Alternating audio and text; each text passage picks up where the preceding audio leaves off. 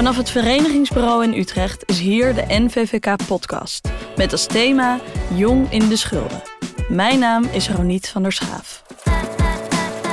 In deze podcast neem ik jullie mee in de wereld van de jongere schuldhulpverlening.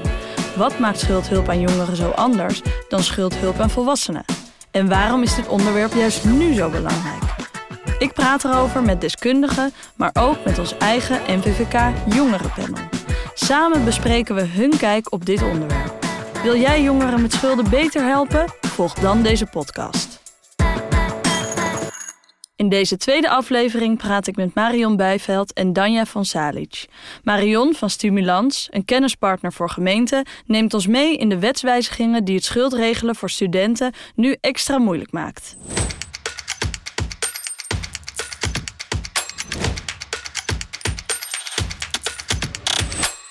Marion Bijveld is adviseur schuldhulpverlening bij Stimulans. Stimulans is een kennis- en adviesorganisatie voor gemeenten in het sociaal domein. Voordat Marion bij Stimulans kwam werken, werkte ze al acht jaar als schuldhulpverlening en procesbegeleider bij de gemeente Deventer. Sinds 2020 adviseert zij voor Stimulans gemeenten bij vraagstukken rondom de uitvoering van schuldhulp. Omdat Marion zelf in de uitvoering heeft gewerkt, weet ze als geen ander waarbij gemeenten de behoeften liggen en waar het aan schort. Luister naar de uitvoering en baseer daarop je beleid, is dan ook haar advies. Welkom Marion. Yes, dankjewel. Leuk uh, dat je aan deze podcast wilt meewerken. Ja, vind ik ook. Zoals bij iedereen uh, leg ik jou ook vijf dilemma's voor. Um, daar gaan we. Het eerste dilemma. Zijn hulpvragers slachtoffer van slimme commerciële partijen of kunnen hulpvragers niet met geld omgaan? Um, vind ik een lastige. Mag ik ook uh, allebei zeggen dat het niet klopt? Vooruit. Iemand met 500 euro schuld gelijk helpen of zelf laten oplossen? Gelijk helpen. Welk belang staat voorop in het schuldenregelen? Het belang van de schuldeiser of de hulpvrager? De hulpvrager. Jongeren hebben vaak weinig afloscapaciteit. Moet je die daarom wegsturen of toch helpen? Uh, toch helpen, zeker. Altijd helpen. Een jongere moet tijdens een schuldentraject altijd voldoen aan de maximale werkinspanningsverplichting. Of de jongere moet tijdens het schuldentraject naar school. Naar school. Dankjewel. Vond je de dilemma's uh, lastig? Uh, ja, behoorlijk. Want ik denk dat het allemaal wel iets genuanceerder ligt dan ja. dat het een van de twee is. En mm -hmm. dat er altijd een verhaal bij hoort. Ja, nou, gelukkig gaan we het daarom nog even hebben over de dilemma's. Uh, om maar gelijk te beginnen met de eerste. Zijn hulpvragers slachtoffer van slimme commerciële partijen of kunnen hulpvragers niet met geld omgaan? Waarom vond je het zo moeilijk om daartussen te kiezen? Nou, omdat uh, dat een beetje suggereert dat schulden altijd ontstaan uh, door overbesteding. En ik zie juist vaak dat schulden ontstaan door levensgebeurtenissen die ingrijpende verandering teweeg brengen. Um, dus ik denk niet dat het alleen maar te maken heeft met overbesteding en het verkeerd uitgeven van geld door mm -hmm. reclames of ja. uh, door verleidingen. Schulden hebben vaak te maken met bepaalde live events. Ja, ja. En wat zijn live events die je vaak ziet bij jongeren? Um, nou, bij jongeren zie je natuurlijk ook wel dat ze of in een uh, al een slechte jeugd hebben gehad. Um, dat ze of misschien moeten stoppen met hun studie vanwege uh, nou ja, slechte cijfers of omdat het toch niet een juiste studie is voor hun. Um, maar ook relatiebreuk komt natuurlijk bij jongeren voor. Misschien ook werkloos worden. Zeker de coronacrisis zie je natuurlijk een goed voorbeeld voor. Dat veel uh, jongeren een baan kwijt zijn geraakt. Omdat ze veel tijdelijke contracten hadden. En de sectoren waar ze in werkten, de horeca, evenementenbranche. Um, nou, daar was geen werk meer in. Dus dat is ook al een live event. En als we dan kijken naar bepaalde statussymbolen die bij de jongeren vaak een grote rol spelen. Um, kan je dan niet zeggen dat commerciële partijen juist heel erg de jongeren goed weten te verleiden? En dat ze daarom bijvoorbeeld een uh, Gucci-pet voor 600 euro kopen en denken dat dat normaal is? Um, ik denk dat dat zeker een rol speelt. Ik moet zeggen dat de jongeren die ik in de schuldhulpverlening ben tegengekomen, is het echt niet dat ze zulke dure uitgaven uh, per se deden.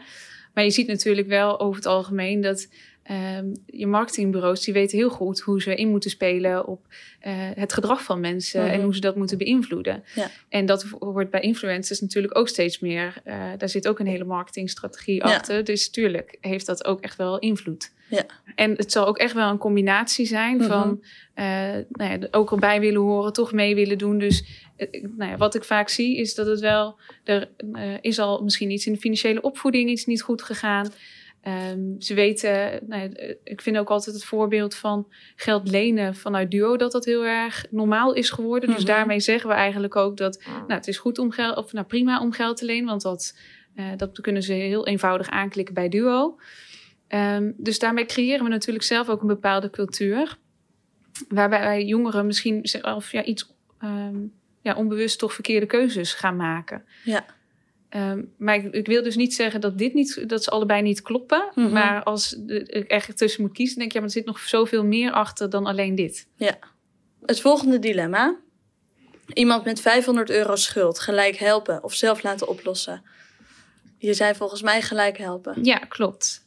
Nou, ik denk sowieso dat je altijd hulp moet aanbieden en dat het laagdrempelig moet zijn dat mensen hulp kunnen krijgen. Aan de andere kant denk ik ook wel dat het, ehm, het systeem is nu zo ingericht dat eh, je bijna wel hulp moet krijgen vanaf begin af aan, wil jij eruit kunnen komen. Ja, Want eh, nou, daar is nu ook heel veel over te doen, over betalingsregelingen. Dat, eh, dat we rechter die misschien straks ook ver- verplicht kan opleggen. Mhm. En ik denk dat dat ook wel een goede ontwikkeling is. Dat het normaler wordt een betalingsregeling te treffen. Ook tegen een lager bedrag. Want vaak zie je toch wel dat een, een, een professionele organisatie bij moet komen. Voordat schuldeisers meewerken aan een Mhm. vele lagere betalingsregeling. Ja. Dus daarom denk ik ook dat het goed is dat er meteen hulp wordt ingezet. eh, om ervoor te zorgen dat iemand wel een betalingsregeling krijgt die bij het inkomen en de uitgaven passen. Eh, maar het zou eigenlijk natuurlijk nog beter zijn dat het niet eens nodig zou zijn dat er hulp nodig eh, is bij het treffen van betalingsregelingen voor een schuld van 500 euro. Dus daarmee bedoel je dat jongeren bijvoorbeeld zelf naar hun schuldeisers kunnen bellen om te vragen om een betalingsregeling. Ja, en dat er dan ook goed gekeken wordt naar wat kun jij betalen in plaats van eh, wij willen hebben het beleid dat er binnen een half jaar een schuld betaald moet worden zijn. En dat op basis daarvan de betalingsregeling wordt afgesproken. En dat gebeurt nu in de praktijk te vaak. Oké. Door schaamte en stress is het vragen om hulp voor veel mensen heel moeilijk. In de vorige aflevering zei Arjan Vliegendhart dat jongeren daarom juist snel, dat je jongeren snel moet helpen als ze eenmaal om hulp vragen. Hoe zou de gemeente moeten omgaan met kleine schulden bij jongeren? Ehm, ik denk dat het al goed is dat je eh, zorgt dat je op plekken bent waar jongeren ook komen. Dus dat de drempel niet te hoog is om bijvoorbeeld naar een gemeentehuis te gaan. Eh, maar goed, als daar de spreekuren en dat het op een laagdrempelige manier is, is dat ook prima. Ehm, maar zorg dat je op de plek op scholen, eh, misschien ook bij werkgevers die veel jongeren in dienst hebben, zorg dat je daar zichtbaar bent. En dat het dus heel normaal is om even hulp te vragen Mhm. eh, bij je schuld. En ook dat er niet een heel traject met allemaal verplichtingen bij moet komen kijken. Maar heel duidelijk, dit is mijn hulpvraag en dat gaan we meteen voor je regelen. En daar eh, houdt het dan bij op. Ja. En als iemand meer wil, dan kan dat natuurlijk. Maar vooral die laagdrempeligheid, die is denk ik heel erg belangrijk. En als je eenmaal een jongere binnen hebt, ehm, hoe zou je dan, stel iemand heeft 500 tot 1000 euro schuld, hoe zou je die dan kunnen helpen? Ehm, nou, het begint natuurlijk altijd bij eh, te kijken, nou, wat is je inkomen? Heb je overal recht op? Een volgende stap zou eigenlijk zijn om te gaan kijken naar de uitgaven. Eh, zeker zodat je wel een betalingsregeling kan treffen die ook past binnen het budget. Maar tegelijkertijd eh, vraagt dat natuurlijk ook wel meteen weer veel tijdsinvesteringen. Is de vraag of iemand daartoe bereid is. Maar ik denk wel dat het, als je laat inzien dat het voor de jongeren ook belangrijk is dat ze een betalingsregeling eh, afspreken die ze ook echt kunnen nakomen. Ehm, dat ze ook echt wel bereid zijn om te gaan kijken aan de hand van de bankafschriften van hé, hey, wat gaat er nou uit en wat komt er binnen? Ja. En dat je op basis van het beschikbaar budget dan afspreekt wat iemand kan betalen. En ik denk dat het voor jongeren extra belangrijk is dat ze ook geld overhouden om gewoon mee te doen met de sociale activiteiten. En want we kunnen heel erg kijken naar de cijfertjes. En nou, iemand in de bijstand die houdt zoveel per maand over. Dus daar moet jij het ook van kunnen doen. Maar kijk naar de persoon. Wat is voor hem belangrijk? En hoe houdt hij het vol om aan zijn betalingsverplichtingen te kunnen voldoen? En hoe leg je dat uit naar de schuldeiser? Ik zeg eigenlijk altijd: de schuldhulpverlener is bemiddelaar tussen de klant en de schuldeiser. Mhm. En ehm, uiteindelijk heeft de klant er ook belang bij dat die schuldeiserakkoord gaat. Dus die zal ongetwijfeld ook wel concessies moeten doen. Ehm, en je kunt natuurlijk niet op het oude, oude voet doorleven, want daar is het ook ergens misgegaan. Mhm. Maar het is denk ik wel belangrijk om te kijken ehm, van maar wat vind je wel belangrijk en hoe gaan we dat dan organiseren? En dat kan soms al zijn door ehm, sommige, eh, vooral studenten vinden het soms prima om 10 euro per week minder te besteden te hebben, maar dat ze dan één keer in de maand een iets extra grote bedrag hebben waarvan ze dan uit eten kunnen of ook naar een feestje kunnen. Ehm, en dat kan soms helpen als de hulpverlener ze daarbij begeleidt en ook in laat zien hoe je dat dan kunt organiseren. Hoe leg je uit aan de schuldeiser dat een jongere wel nog naar een feestje wil? Ja, eh, nou, ik, ik kan best uitleggen aan de schuldeiser waarom dat belangrijk is. Alleen ik denk dat de schuldeiser daar niet een hele grote boodschap aan heeft. Ja. Dus eh, die wil gewoon zijn geld terugzien. Mhm. Ehm, ik denk dat het erom gaat dus dat je uitlegt dat dit een realistische betalingsregeling is en dat je daarmee kan aantonen dat het een langere termijn oplossing geeft in plaats van voor de korte termijn te kiezen en dat er twee keer één of twee keer de termijn betaald wordt en daarna niet meer en iemand dan ook nog een faalervaring krijgt van zie je nou wel het lukt me niet en dan helemaal afgeleid in die financiële ellende. Ja, en dan is dat eigenlijk gelijk een brugje naar het volgende dilemma. Welk belang staat voorop in het schuldenregelen? Het belang van de schuldeiser of de hulpvrager? Ja, ik heb gekozen voor de hulpvrager. Ehm, maar dat, ik vond hem ook weer in dat opzicht te zwart-wit. Ehm, want ik, vraag me, ik denk dat de eerste vraag ook is: wat is het belang van de schuldeiser? Want ik denk dat wij heel vaak ervan uitgaan dat het belang van de schuldeiser is dat, die schuld, dat er zoveel mogelijk wordt terugbetaald van die schuld. Maar hebben zij er niet vooral belang bij dat voor het voorkomen dat er nieuwe schulden ontstaan? Ehm, en daarom heb ik uiteindelijk gekozen voor het belang van de, eh, van, Hulpvrager? ja, van de hulpvrager. Omdat dat dan meer aansluit bij, eh, als je ook op die manier gaat kijken naar eh, de vraag van de hulpvrager. of het belang van de hulpvrager. Ehm, want ik denk als je goed gaat kijken dat een eh, neem nou een zorgverzekering, als daarna nog één keer de premie niet wordt betaald, dan mist hij 150 euro. Terwijl dat als eh, eh, die jongere meer gaat werken, dan is maar de vraag of zij tijdens een schuldregelingstraject 150 euro meer aan inkomen krijgen. Mhm. Dus ik denk onderaan de streep dat heel veel schuldeisers er veel meer belang bij hebben eh, dat er een echt een structurele oplossing wordt gegeven voor die hele schuldsituatie Mhm. en dat de er vaardigheden worden aangeleerd waarmee voorkomen wordt dat iemand later opnieuw in de schulden terechtkomt, dan dat eh, er op korte termijn zoveel mogelijk wordt afgelost. En voelen naar jouw idee die schuldeisers die maatschappelijke plicht? Eh, ik zie dat wel steeds meer veranderen. Ik heb het idee dat de grote organisaties dat ook wel meer voor ogen zien. Ehm, maar nee, ik noem ze altijd de dierenarts en de tandarts. De kleine partijen die dat heel direct in hun eigen portemonnee voelen. eh, die hebben daar iets minder een boodschap aan natuurlijk. Ja. En dat begrijp ik ook heel goed. Eh, maar daar ligt denk ik nog wel een uitdaging om hun ook te laten inzien. ehm, dat het in het algemeen belang beter is Mhm. om daar op een andere manier mee om te gaan. We gaan naar het volgende dilemma. Wat betreft jongeren hebben vaak een hele lage afloscapaciteit. Kan je daar iets meer over vertellen? Hoe komt het dat jongeren een lage afloscapaciteit hebben vaak? Ehm, nou, dat heeft te maken met een wijziging in de wet gemeentelijke schuldhulpverlening. eh, en in combinatie met een wijziging in de wet vereenvoudiging beslagvrije voet.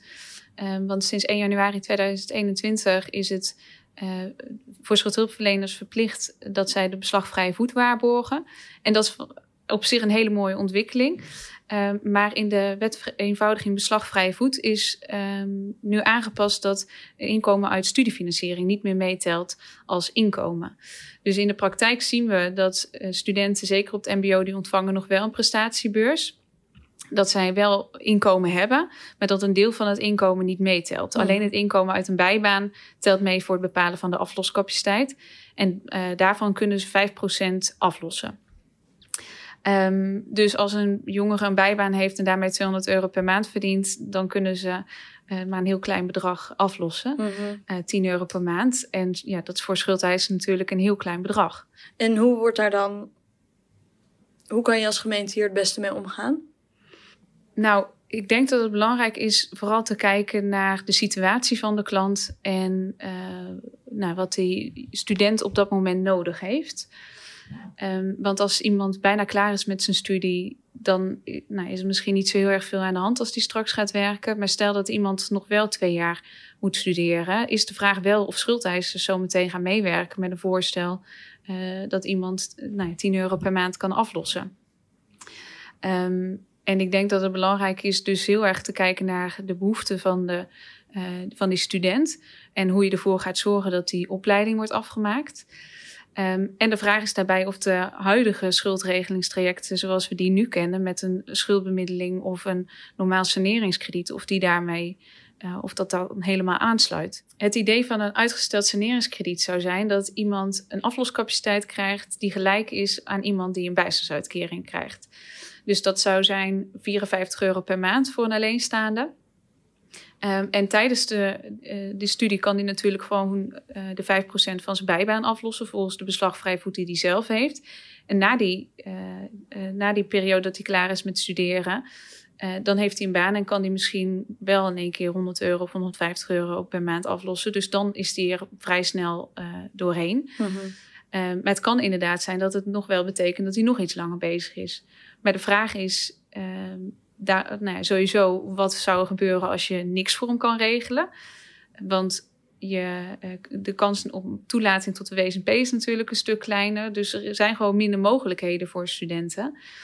Um, en, daarom, en daarnaast zeg ik ook, kies altijd voor maatwerk. Want misschien is het voor deze student gewoon niet anders. En denk je, kan het de student alleen maar meer stress opleveren... de gedachte dat hij er nog vijf of zes jaar aan vast zit. En dan kan ik me heel goed voorstellen dat je zegt... we doen gewoon een voorstel van 10 euro per maand... en we zien wel hoe schuldeisers reageren. Ja. Dus ik denk dat het... Uh, het is niet dat voor alle studenten dit traject de beste oplossing is, maar dat er heel erg gekeken moet worden: wat heeft deze student nodig en hoe gaan we ervoor zorgen dat hij zijn leven weer op kan pakken? Het laatste dilemma. Een jongere moet tijdens een schuldentraject altijd voldoen aan de maximale werkinspanningsverplichting. Of de jongere moet tijdens het schuldentraject naar school. Jij koos naar school. Mm -hmm. Ja. Hier hebben we het net natuurlijk al uh, een beetje over gehad. Met een uitgesteld saneringskrediet zou je de jongeren naar school kunnen laten gaan. Um, en die werkinspanningsverplichting verspreid je dan eigenlijk over meerdere jaren. Ja, nou en ik vind sowieso wel uh, die werkinspanningsverplichting. Um, ik vind sowieso de inspanningsverplichting dat die eigenlijk veel te veel gefocust is op werk. Mm -hmm. En uh, daarbij denk ik ook weer dat er veel meer moet gekeken worden naar, naar wat, uh, wat is de situatie van de klant, waar, waar komt iemand vandaan. Want iemand die gewoon al in een werksituatie zit, voor een jongere en die door bepaalde omstandigheden in de schulden is gekomen, die kan heel makkelijk voldoen aan die werkinspanningsverplichting. Terwijl dat iemand die misschien 18, op zijn 18 al uh, zelfstandig moest wonen, een heel, hele moeilijke jeugd heeft gehad, daar gaat het misschien iets lastiger voor. En ik denk dat er veel meer moet gekeken worden naar überhaupt in het algemene zin een inspanningsverplichting die, die iemand levert om zijn leven weer op de rit te mhm. krijgen, dan het alleen maar puur te richten op werk biedt de wet die mogelijkheid om, om een inspanningsverplichting breed te interpreteren? In de wet gemeentelijke schuldhulpverlening, daar is geen inspanningsverplichting opgenomen. En inderdaad, de, de, wet, eh, de uh, wet schuldsanering natuurlijk persoon, daar, is die wel in, uh, daar staat die wel in. Um, maar in de wet gemeentelijke schuldhulpverlening staat ook helemaal niet hoe je schuldhulpverlening moet vormgeven. Nee. En dat doen we inderdaad met minderlijk traject. Dat baseren we op de richtlijnen van... traject? Ja. ja. Dus um, ja, er staat nergens dat dat geldt. Alleen ik snap natuurlijk wel vanuit schuldeisers, want die hebben ook de mogelijkheid om naar de WSNP te gaan. Dus misschien moet de WSNP ook kijken naar van wat, wanneer voldoet nou iemand aan een inspanningsverplichting. Mm -hmm. Zou een inspanningsverplichting bijvoorbeeld ook een maatschappelijke stage kunnen zijn? Als iemand daarmee uh, verder wordt geholpen in zijn leven, denk ik dat dat zeker een optie kan zijn. En dat zie je natuurlijk ook al bij het Jongere Perspectieffonds, die daar heel erg op richten. Um, dat ze vooral het erom gaat om iemand verder te helpen in zijn mm -hmm. leven. En ik denk ook wel voor, nou ja, voor heel veel jongeren denk ik dat dat voor een uitkomst biedt. Ook niet voor alle jongeren, want sommige jongeren zullen dat ook misschien niet nodig hebben. Um, maar nou, ik denk eigenlijk bijna dat iedereen daar wel baat bij zou kunnen hebben. Dat mm -hmm. je mhm. gewoon die benadering uh, krijgt. Dus ja, ik zou zeggen gewoon doen. Zorg met elkaar dat we hier allemaal achter staan. En ook probeer we moeten schuldeisers denk ik ook zien te overtuigen dat zij er veel meer belang bij hebben dat, uh, dat er geen nieuwe schulden ontstaan in de toekomst dan dat ze nu 100 euro terugkrijgen. Danja praat ons bij over het Jongerenperspectieffonds in Eindhoven. Hoe werkt het JPF en wat zijn de voordelen? En waarom is het zo belangrijk om nu te investeren in de jongeren? Tegenover mij zit Danja van Zalic, werkt als projectleider bij JPF Eindhoven. Voor JPF werkte ze bij Schuldenlab 070, waar het JPF ontstond. Ook zet ze zich in bij maatschappelijke initiatieven waar overheid en het bedrijfsleven samenkomen. Zoals bij iedereen leg ik je vijf dilemma's voor. Daar gaan we. Oké. Zijn hulpvragers slachtoffer van slimme commerciële partijen of kunnen hulpvragers niet met geld omgaan? Oeh, um, niet met geld omgaan. Iemand met 500 euro schuld gelijk helpen of zelf laten oplossen? Oeh, gelijk helpen. Welk belang staat voorop in het schuldenregelen? Het belang van de schuldeiser of de hulpvrager? Hulpvrager. Jongeren schuldhulpverlening is gebaat bij samenwerking tussen publieke partijen of tussen publieke en private partijen? Ja, daar zeg ik toch wel publiek en privaat. Oké. Nu fors investeren in jongeren of vertrouwen dat het later wel goed komt? Nee, zeker nu fors investeren. Commerciële partijen weten vaak slim in te spelen op de gevoeligheid van jongeren als het gaat om dure statussymbolen. Um, hoe leert het JPF Eindhoven jongeren om te, om, om te gaan met deze verleidingen? Ja, dat is zeker wel echt een uh, probleem inderdaad. Dat jongeren nou inderdaad wel uh, graag mooie dingen willen kopen. Mm-hmm. Dat je inderdaad allerlei advertenties krijgt. Dus een van de dingen die we doen is dat we ook uh, de jongeren financieel opleiden. Van nou, wat betekent het? Hoe ga je eigenlijk met geld om? Hoe kan je een budgetplan maken? Wat heeft prioriteit ten opzichte van andere dingen? Mm-hmm. Uh, dus daar besteden we zeker aandacht aan. En ook omdat het een tweejarig traject is, kan je eigenlijk telkens tussentijds met de jongeren ook bijschakelen van hey, stel dat je, de, je hebt dit gekocht, uh, was dat wel zo handig? Mm-hmm. Of uh, waarom wil je dat kopen? En elke jongere die gaat ook in budgetbeheer. Dus die moet dan ook echt met zijn budgetbeheerder afspreken van kan dat wel of niet. En voor hoe lang moeten jongeren in budgetbeheer? Voor het hele traject. Dus dat is wel de twee à drie jaar. Twee à drie jaar. Ja. En hoe uh, worden jongeren uiteindelijk geholpen met hun schulden? Um, nou, jongeren worden geholpen met hun schulden. Uh, dat verschilt per jongere, hè, want mm-hmm. het is uh, maatwerk. Maar in principe worden de schulden in kaart gebracht. Uh, en vervolgens wordt een voorstel gedaan aan de schuldeisers. Dus de schulden worden echt gesaneerd. Mm-hmm. En afhankelijk van de afloscapaciteit van die jongeren Um, betaalt de jongere uh, iets terug um, of helemaal niets. Of nou ja, in de vorm van een maatschappelijke tegenprestatie dan. En de rest leggen we bij door middel van een fonds. Uh, omdat we de schuldeisers wel iets willen kunnen bieden. Uh, en we niet willen dat de schuldeiser nou ja, de mogelijkheden voor de jongeren ontzegt om te gaan studeren of iets dergelijks. Oké. Okay. Dus binnen JPF is het belangrijk dat, dat iedereen ook naar school kan blijven gaan. Ja, zeker. Dat is echt heel belangrijk. Mm-hmm eigenlijk wat we altijd zeggen binnen JPF, het perspectief van de jongeren staat centraal. Dus um, nou ja, als de jongere juist wil gaan studeren of nog helemaal geen startkwalificatie heeft, dan zeggen wij dat het belangrijker is om dat dan uh, nu te gaan halen in plaats van dat je drie jaar in schuld, reguliere schuldhulpverlening gaat, uh, in bijstandsinkomen vangt bijvoorbeeld, mm -hmm. en dan uh, nou ja, na drie jaar weer eens gaat kijken hoe, de, hoe het er allemaal nu voor staat. Um, en dan het tweede dilemma. Iemand met 500 euro schuld gelijk helpen of zelf laten oplossen? Nou, het hangt er van, natuurlijk vanaf uh, wat voor iemand dat is. Ik bedoel, als het -hmm. iemand is die dat zelf makkelijk kan oplossen, prima. Dan zal die dat waarschijnlijk ook snel oplossen. Ja. Want uh, schulden hebben is niet fijn. En nou ja, mensen ervaren vaak stress. En -hmm. wil je toch oplossen. Um, maar als uh, iemand het niet zelf kan oplossen, is het natuurlijk heel erg fijn als iemand mee kan kijken van hey, heb je genoeg inkomen? Uh, hoe, hoe, is de balans tussen je inkomen en je uitgaven? Ja. Um, en kan je die 500 euro nou ja, betalingsregeling treffen of dat je toch kan voldoen? Ja. Maar eigenlijk komt die doelgroep niet bij in het JPF-traject terecht. Omdat... Dat wilde ik inderdaad net vragen. JPF Eindhoven heeft natuurlijk een unieke wijze van uh, schulden saneren. Ehm, is een jongere van, met een schuld van 500 euro ook gebaat inderdaad bij die aanpak van, van het JPF? Nou, dat denken we niet, want ehm, als je echt eigenlijk zegt, hè, je moet de schuld moet, moet problematisch zijn voor die persoon. Ja. Ehm, en meestal is 500 euro nog wel op een manier op te lossen met bijvoorbeeld een betalingsregeling. Mhm. En als je echt uh, schuld gaat saneren, dus een betalingsvoorstel gaat doen aan de schuldeisers. Je wordt dan ook geregistreerd bij BKR voor uh, vijf jaar, als ik me niet vergis. Mhm. Dus dat is best wel een pittig traject. En Ja. voor 500 euro lijkt me dat niet in verhouding staan. Nee. Uh, maar we hebben wel ook wel eens jongeren van uh, met 5000 euro schuld. Ik denk dat dat ongeveer ja, het minimum is wat wij voorbij hebben zien komen. Oké. En als een jongere bij jullie binnenkomt, wat gebeurt er dan? Um, nou, jongen wordt aangemeld. Dan hebben we eerst eigenlijk een soort van selectiegesprekken met de trajectbegeleider en met de schuldregelaar. Mhm. Ook om te kijken of dat de jongere aan de voorwaarden vo- voldoen en ook gemotiveerd is om aan zichzelf te gaan werken. Ja. Uh, want dat is wel een belangrijk onderdeel van het hele traject. Um, als dat allemaal het geval is, dan begint hij eigenlijk het traject, uh, dan begint budgetbeheer. Mhm. En dan begint hij de gesprekken met de uh, trajectbegeleider. Het eerste wat we doen is zorgen dat de situatie stabiel is Mhm. van de jongeren. Maar vervolgens gaat de trajectbegeleider met de jongeren in gesprek over het perspectief. Die maken samen een perspectiefplan van nou, Mhm. wat, wat wil je in je leven? Uh, wat wil je in de toekomst Ja. uh, gaan bereiken?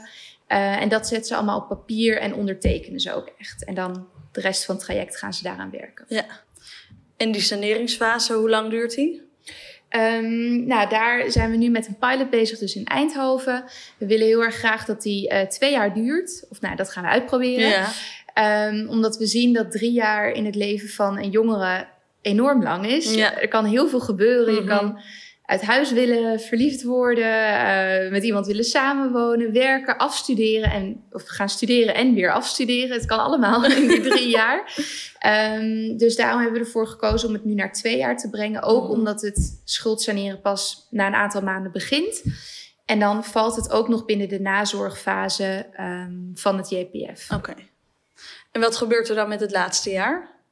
Uh, die nemen we vanuit het fonds uh, op ons. Dus als de jongere goed in het traject uh, meegelopen heeft, als die aan zich, zichzelf gewerkt heeft, meegedaan heeft aan alle trainingen en de, de tegenprestatie heeft voldaan, dan maken we eigenlijk de balans op na twee jaar en dan zeggen we van nou, het derde jaar uh, nemen we vanuit het fonds op ons. Oké. Okay. Marion vertelde ons net dat uh, jongeren door nieuwe wetgeving weinig tot geen afloscapaciteit heeft. Mhm. Mm -hmm. Wat biedt het JPF Eindhoven eigenlijk aan schuldeisers? Wij vullen eigenlijk die afloscapaciteit van de jongeren uh, aan tot uh, die van het bijstandsniveau. Dus dat is die 54 euro. Dus als de jongere 15 euro per maand kan betalen uh, door inderdaad een bijbaan of door andere inkomsten, dan zeggen wij tegen de schuldeiser: Nou, we willen heel graag dat deze jongere naar school gaat. Um, of de bijbaan is heel wisselend. Um, en we willen graag dat die schulden geregeld kunnen worden. Dus wij vullen dit vanuit het fonds aan. Dus je krijgt al behoorlijk meer dan wat er. Uh, wat je anders zou krijgen. Oké. Okay. En waarom doen jullie dat eigenlijk? Waarom zeggen jullie niet tegen de schuldeisers...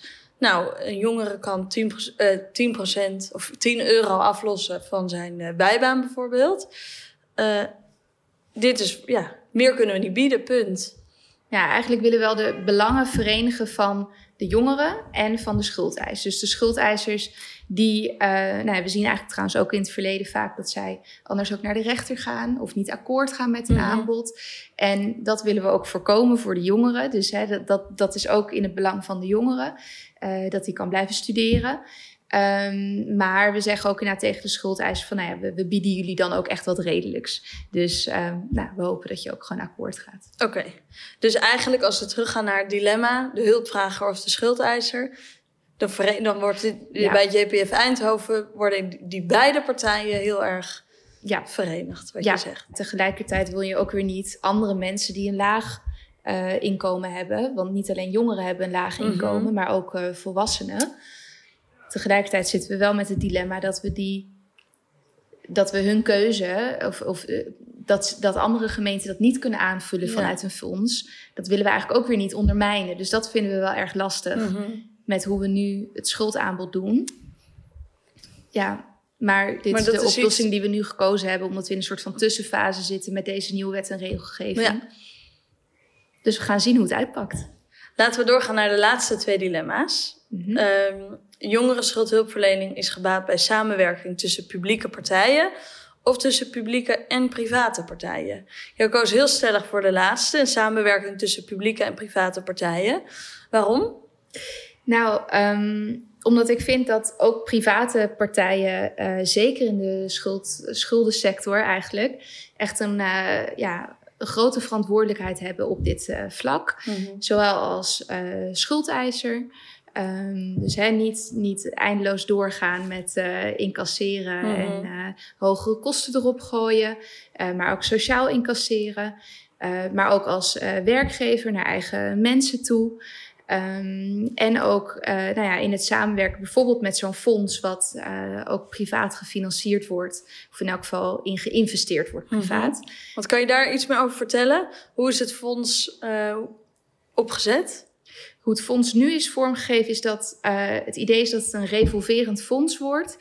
Um, en Stichting Jongeren Perspectieffonds is een landelijke stichting die dat fonds beheert, waar private partijen in kunnen investeren. Eigenlijk ervan uitgaande dat, uh, dat dit geld wat je investeert, waardoor je de schuldregeling mogelijk maakt, dat dat meer oplevert dan dat het kost. Um, want als de jongeren niet geholpen zou kunnen worden, dan uh, zijn er uiteindelijk meer maatschappelijke kosten uh, dan wanneer ze wel geholpen worden. -hmm. Um, aan het einde van het traject worden die kosten inzichtelijk, of eigenlijk de baten inzichtelijk gebracht. En wordt dat weer deels teruggefinancierd aan dat fonds, waardoor de investeerders weer uh, hun geld terug kunnen krijgen met een beperkte marge erop. En nu hebben ING en Egon in Den Haag geïnvesteerd. Dus zo is dat gestart. En wat is volgens jou het belangrijkste uitgangspunt als je kijkt naar een publiek-private samenwerking? Nou, dat is eigenlijk die gedeelde verantwoordelijkheid. Dus dat niet alleen de overheid verantwoordelijk is om zo'n maatschappelijk probleem op te lossen. Mm -hmm. Want dat is eigenlijk dweilen met de kraan open. Uh, omdat, nou ja, eigenlijk als je kijkt naar het hele systeem uh, of de hele keten rondom schulden, daar spelen private partijen een belangrijke rol. Dus dat is eigenlijk die gedeelde verantwoordelijkheid. Ja, gezamenlijk die maatschappelijke plicht eigenlijk op ons nemen. Ja, ja. want dan, dan kan de overheid ook goed haar werk doen. Mm -hmm. En dan heeft het ook nut om hierin uh, extra in zo'n traject te investeren. Um, en dat heeft anders geen, uh, geen zin. Nee. Het laatste dilemma. Nu fors investeren of vertrouwen dat het later goed komt? Ja, die leek me eigenlijk wel um, ja, een inkoppertje voor JVF. Mm -hmm. uh, want eigenlijk dat nu fors investeren, dat is wat we doen voor jongeren die uh, problematische schulden hebben, daarvan zeggen van nou, twee jaar een intensief traject waarin je en van je schulden afgeholpen wordt en integraal op alle leefgebieden begeleid wordt um, door de trajectbegeleider. Um, ja, dus dat is juist vanuit het idee dat dan uh, meer problemen voorkomen kunnen worden. Ja, maar je zei net ook dat jongeren zitten nu in, in een hele snelle ontwikkelingsfase. Binnen twee jaar kunnen er heel veel dingen gebeuren. Denk je niet ook dat jongeren ook in een korte periode heel veel kunnen leren en uit zichzelf heel veel kunnen leren. Um, en kan je er daarom niet meer op vertrouwen dat het later ook wel weer goed komt? Dat ze uit zichzelf, oké, okay, ze hebben een fout gemaakt, komen ze er denk je niet vanzelf achter dat. Uh... Nou ja, eerst moet die fout wel opgelost kunnen worden. Dus ja. moet je ook de kans hebben om weer met een schone lei te beginnen. Want mm -hmm. als die fout jou eindeloos boven het hoofd blijft uh, bungelen, mm -hmm. dan, dan ervaar je niet de rust en de ruimte om ook echt te kunnen leren. Um, dus, dus die stress nemen we weg door mm -hmm. die schulden uh, te regelen. Ja. En we begeleiden hen in dat leren. En we zien dat het ook wel veel jongeren zijn die, uh, nou ja, die, die dat vanuit huis uit niet mee hebben gekregen. Dus je hebt vaak wel mensen om je heen nodig om ook te kunnen leren. Ja. Um, nou ja, en als die er niet al zijn, dan, dan is de trajectbegeleider dat. Oké. Okay. En waarom is het vroeg investeren in deze jongeren voor Eindhoven zo belangrijk? Nou, eigenlijk uit een scan die gedaan is uh, eerder komt naar voren dat ongeveer 3200 jongeren in Eindhoven schulden heeft, in ieder geval problematische schulden. Dat is best wel veel. Mm -hmm. um, en de reguliere schuldhulpverleningsaanpak die past niet voor hen, inderdaad, omdat zij uh, graag willen studeren of wisselend inkomen hebben. En dus al die live events die uh, in die drie jaar kunnen Mhm. gebeuren. Um, en de gemeente Eindhoven wil graag uh, eigenlijk het armoede- en schuldenbeleid voor meer mensen inzetten. Dus uh, ook voor jongeren. En daarom is, vinden ze deze aanpak zo uh, belangrijk. Ik sluit elke aflevering af met Manna en Daan, twee jongeren die zelf schulden hebben. Zij reageren op de onderwerpen die ik met de professionals bespreek. Wat vinden zij?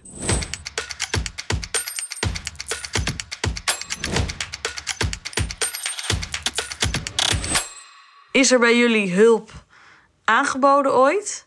Of moesten jullie helemaal zelf echt op zoek naar hulp? Ja, ik weet niet of dat aanhaakt op uh, hierop, maar uh, bij de betalingsregelingen ja. uh, vind ik het interessant dat, dat als iemand bij een weet je wel, sanering zit, dat die sanering individuele afspraken kan maken met elke schuldeiser. Van 5 tot 15 procent, 20 procent. In ieder geval gaat het om een fractie van de oorspronkelijke schuld. En ik vind eigenlijk dat de mensen die schulden hebben... op eenzelfde manier hun schulden zouden moeten kunnen verminderen... door zelf actie te nemen of dat de actie ondernomen wordt met de begeleiding. Maar ik denk namelijk dat dat voor mij met de schulden enorm zou helpen... het gevoel van regie weer terug zou krijgen omdat je opeens, uh, laten we zeggen, van 10.000 naar 500 euro kan gaan. Dat is uh, letterlijk ook gebeurd. En dat is, uh, vind ik heel curieus. Ja. Je kan het, merkte ik al toen ik via de Onsbank met mijn schuldhulpcoach bezig was. noemde hij alleen al bepaalde woorden die ik kon gebruiken in overleg met ja, de schuldeisers om betalingsregelingen aan te gaan die het allemaal al veel makkelijker maakte om überhaupt met ze te praten. Ja. Maar er zijn, ja, wat Daan ook zegt, op heel veel vlakken. Voor schuldsanering is er heel veel mogelijk om eh, schulden te laten kwijtschelden en dergelijke. En als er al zoveel problematische schulden zijn, als je als individu belt, kan je nog niet eens de extra incassokosten kosten of iets dergelijks laten kwijtschelden. Mm Terwijl ja, bij sommige bedrijven kan je, heb je zulke hoge schulden dat duidelijk is er te zien dat er bij deze tussen haakjes wanbetaler ja, sprake is van schulden en schuldproblematiek. Maar vervolgens kan je als individu niet geholpen worden. Maar mhm. zodra er een inkomensconsulent of iemand van een schuldsaneringstraject overheen gaat, dan is er ineens heel veel mogelijk. Ja, want denk je dat jou dat bijvoorbeeld heel erg had geholpen als je het zou mij op het moment nu nog steeds zo helpen. Want ik heb, ja, ik heb nu in totaal waarschijnlijk nog iets van 8000 euro schuld wat ik aan het afbetalen ben. Maar um, ja, ik, als, ik wil zelf absoluut geen schuldsanering traject in. Want ik, mijn schulden zijn niet dusdanig problematisch dat ik echt vier jaar lang zo'n traject door moet en in zo'n vicieuze cirkeltje terechtkom. Mm Maar tegelijkertijd zou het mijn leven een stuk makkelijker maken als ik wel diezelfde regelingen zou kunnen treffen. Want ik ben hetzelfde probleemgeval. Ja. Maar tegelijkertijd, dan trekken ze hun handen er vanaf en ja, nee, sorry, dat kan allemaal niet. Terwijl zij zouden veel sneller hun geld hebben als er wel de, dat soort regelingen getroffen zouden worden. En er zouden heel veel mensen makkelijker tot zelfontwikkeling en verdere ja, persoonlijke ontwikkeling komen. En dat zou voor de hele maatschappij beter zijn als mhm. al die, alle tussen haakjes probleemjongeren en mensen met problematieke schulden niet meer in stress zouden leven, maar ook hun steentje kunnen bijdragen. Ja, ja mooi. Nou, laten we doorgaan naar het Jongerenperspectieffonds, die jongeren begeleidt en naast het regelen van de schulden ook begeleidt naar een beter perspectief. Wat was het effect op jullie leven toen financiële problemen ontstonden? het, het is best wel allesomvattend, want je leeft. Als je schuldenvrij leeft, heb je een soort veilige basis. Je staat op en er is niks aan de hand verder. Maar als je in schulden leeft, heb je 24 uur 7 stress. Ook al denk je er even niet aan, heb je nog steeds dat ene gedeelte in je brein dat weet dat ik nog steeds ergens 8000 euro schuld heb en dat op een of andere manier moet gaan afbetalen. Ja. En dat ik voorlopig nog wel even zo doorleef.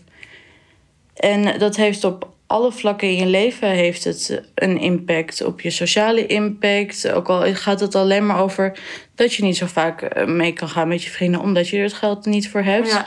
Of op, dat je überhaupt te veel stress hebt om de energie te hebben voor al die sociale contacten. Het gaat op je studie inwerken, het gaat op je werk, heeft het een impact. Want je bent niet meer de beste versie van jezelf, omdat je altijd in stress leeft. Dus ja, op alle vlakken heeft het impact. Ja. En voor jou, Daan, wat was voor jou het effect op je leven toen financiële problemen ontstonden? Ik, eh, ik ben niet anders gewend. Ja, ik denk dat het, eh, het enige metafoor wat ik in mijn hoofd heb... is dat, je, dat ik me gewichtloos zou voelen als die schulden een keer weg zouden zijn. En dat je anders altijd met een enorme massa... met, laten we zeggen, betonstukken in je maag zit. Omdat het gewoon... Het kan heel zuur zijn. Vooral, vooral sociaal gezien. Omdat je inderdaad, als je gelimiteerd wordt... en je vrienden, die, die, die hebben net een andere vanzelfsprekendheid. Ja, dat is, het is schrijnend. Dat is echt... eh, ja, en that's life. Ja. Dus dat is denk ik ook wat het jongere perspectieffonds en ook waarschijnlijk andere eh, trajecten zo belangrijk maakt. Dat het je niet alleen helpt met financiële problemen, maar ook om vervolgens weer echt mee te doen wat je zegt. Ja, ja, het is ook mooi het jongere perspectieffonds met die eh, het laatste jaar, als- mits doelen behaald zijn, kwijtschelden. Maar ik vind dat eh, ik vind kwijtschelden zo, zo eigenlijk wel, wel voorop in het programma mogen staan. Omdat je dan misschien drie jaar lang met zo'n fonds, eh, weet je wel, een eh, intensieve samenwerking kan hebben. Waar je meer uit zou halen dan alleen, eh, nou niet alleen. En het jongere perspectieffonds doet ook goed werk hoor. Maar eh, ik- vind het, ja, het idee van hey, je, moet, je moet echt iets gaan inleveren. Of je moet, weet je wel, een doelen dingetje vo- voltooien en dan wordt het kwijtgescholden. Ja, het- voor mij hoeft het niet zo op die manier. Nee, Nee. dat, dat mag je De tegenprestatie. Ja. Ja, ik kan het aan de ene kant wel snappen, maar ik ben het er ook wel daar inderdaad mee eens. Dus als je een traject van drie jaar hebt en aan het einde is er zicht op dat er misschien iets kwijtgescholden wordt, werk je nog steeds met een heel ander persoon dan stel je begint, of niet per se begint met een kwijtschelding, maar als het verder vooraan zit, dan verliest iemand heel veel stress. Een enorm gewicht van iemands schouder gaat er vanaf. En dan heb je een veel beter persoon om mee te werken, die veel beter aan zelfontwikkeling kan werken, Ja. omdat er niet meer zo'n gewicht op hem rust. Ja, nee, ik vind het een heel goed punt. Dus eigenlijk, inderdaad, als je eerst af, als je al eerst af bent van die schulden en vervolgens kan werken aan je persoonlijke ontwikkeling, dat zal veel beter helpen dan eigenlijk andersom. is juist de volgorde. ja, Kijk, maar aan de andere kant, met een saneringskrediet, eh, dan worden je schulden in één keer afbetaald. En jij betaalt, en dan vervolgens heb jij nog maar één schuldeiser. Eh, en dat is namelijk de kredietbank, aan wie jij iedere maand afdraagt. Dus je hebt niet meer die stress van brieven en, eh, en dergelijke. Dus Dat is een mooie optie inderdaad. Ik heb Ja. er ook ooit gebruik van gemaakt. En ehm, ja, maar dat was toen bij kleine schulden. Ik weet niet of, die, of de kredietbank bijvoorbeeld een eh 50k zou doen. ja, ik denk het wel. Ik denk Ja. juist ook grote schulden. Hm, dat is een goede optie. Maar ik denk ook van, eh, ja, dat, daar moet ook weer. Moet dus, ik denk dat je sowieso iemand in een, eh, eh, in een situatie moet stellen, zetten waar die eh, aan perspectief werkt. Dus aan een stukje van, oké, wat ga ik wat ga ik doen waarmee ik in een vicieuze cirkel terechtkom, waar, waar alles eh, loopt. eh, en, en een bankrekening ook omhoog loopt. Dat is denk ik eh, essentieel. Dat, dat er ook een grote. in deze huidige realiteit is het zo makkelijk om een abonnement af te sluiten. Met of zonder BKR-keuring. Dat hoef je alleen maar in Google in te typen.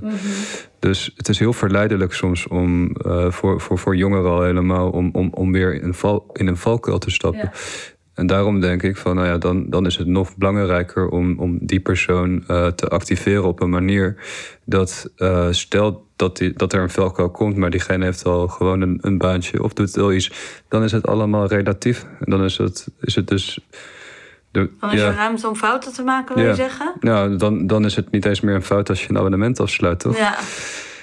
ja, maar je kan wel een te duur abonnement bijvoorbeeld Ja, je moet geen afsluiten en dan uh, denk ik, leaseauto ik van maar- eh, Jaguar nemen. Want zeg dat, je? moet geen leaseauto nemen Nee. van Jaguar of zo. Nee. Want dat is niet nodig. Je moet altijd wel een beetje rationeel blijven. Ja. Eh, maar dus wel, begeleiding is nog wel essentieel, denk Ja, ik. denk in. Juist in die situatie. Het ging iets over motivatie. Ja. En daar had ik een heel klein puntje over. Want ik Mhm. vond, als je het hebt over stigma's en benaming en eh, aannames.